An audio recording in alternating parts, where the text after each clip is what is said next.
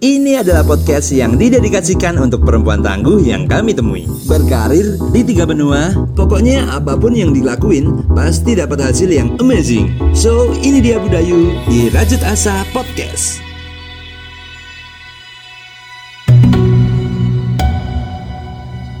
Om Swastiastu, saya Ida Ayu Puspa ini uh, pendiri Bali Bell yang berdiri dari tahun 2008. Bali Bell berdiri dari 2008 di mana waktu itu saya dalam peralihan. Jadi peralihan anak-anak saya semua mau melanjutkan sekolah di luar, ada yang mau kerja di luar. Jadi saya berpikir saya harus ke mana, harus ikut siapa gitu. Dalam masa peralihan itu saya berpikir ya sudah di Bali saja gitu. Karena kehidupan di Bali itu masih nyaman ya.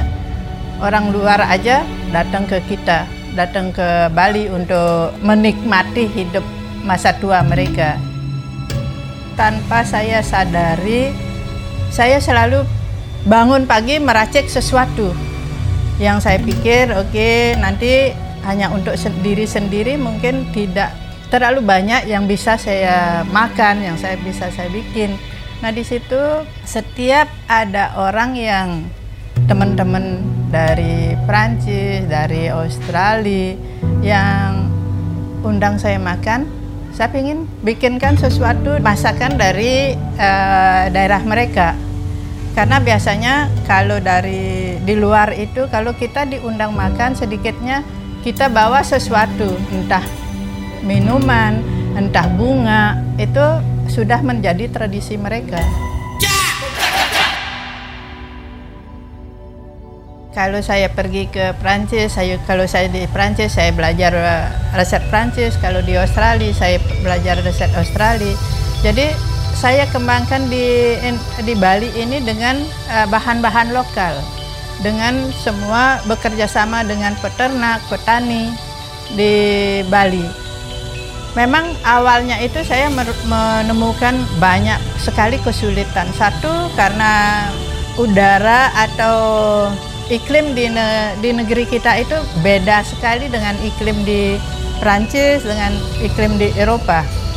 Sedangkan semua makanan-makanan ini memerlukan udara yang dingin tapi kering. Di situ ada kesulitan, tapi dengan ketekunan untuk bisa membuahkan karya di dalam banyak keterbatasan, maka lahirlah resep-resep Bali Bell.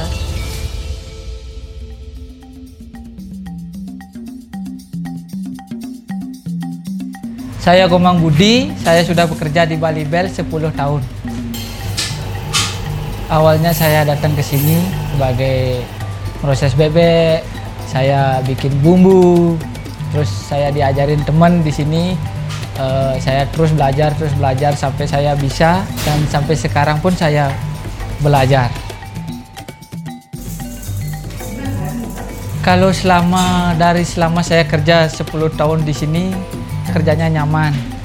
Semua teman-teman itu baik seperti kakak apalagi ibu Dayu seperti ibu sendiri. Kadang seperti ibu kadang seperti bos kadang seperti sahabat dia selalu mensupport karyawan di sini.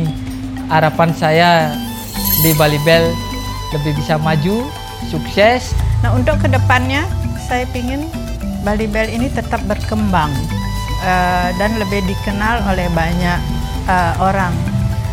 Apa ya masyarakat dari menengah ke bawah pun bisa menikmati karena selama ini kan uh, yang menikmati itu adalah orang asing dan boleh dibilang orang-orang uh, yang berduit. Ke depannya saya ingin tanpa mengubah tanpa mengubah rasa dan quality. Saya ingin uh, produk-produk Bali Bali ini juga memasyarakat.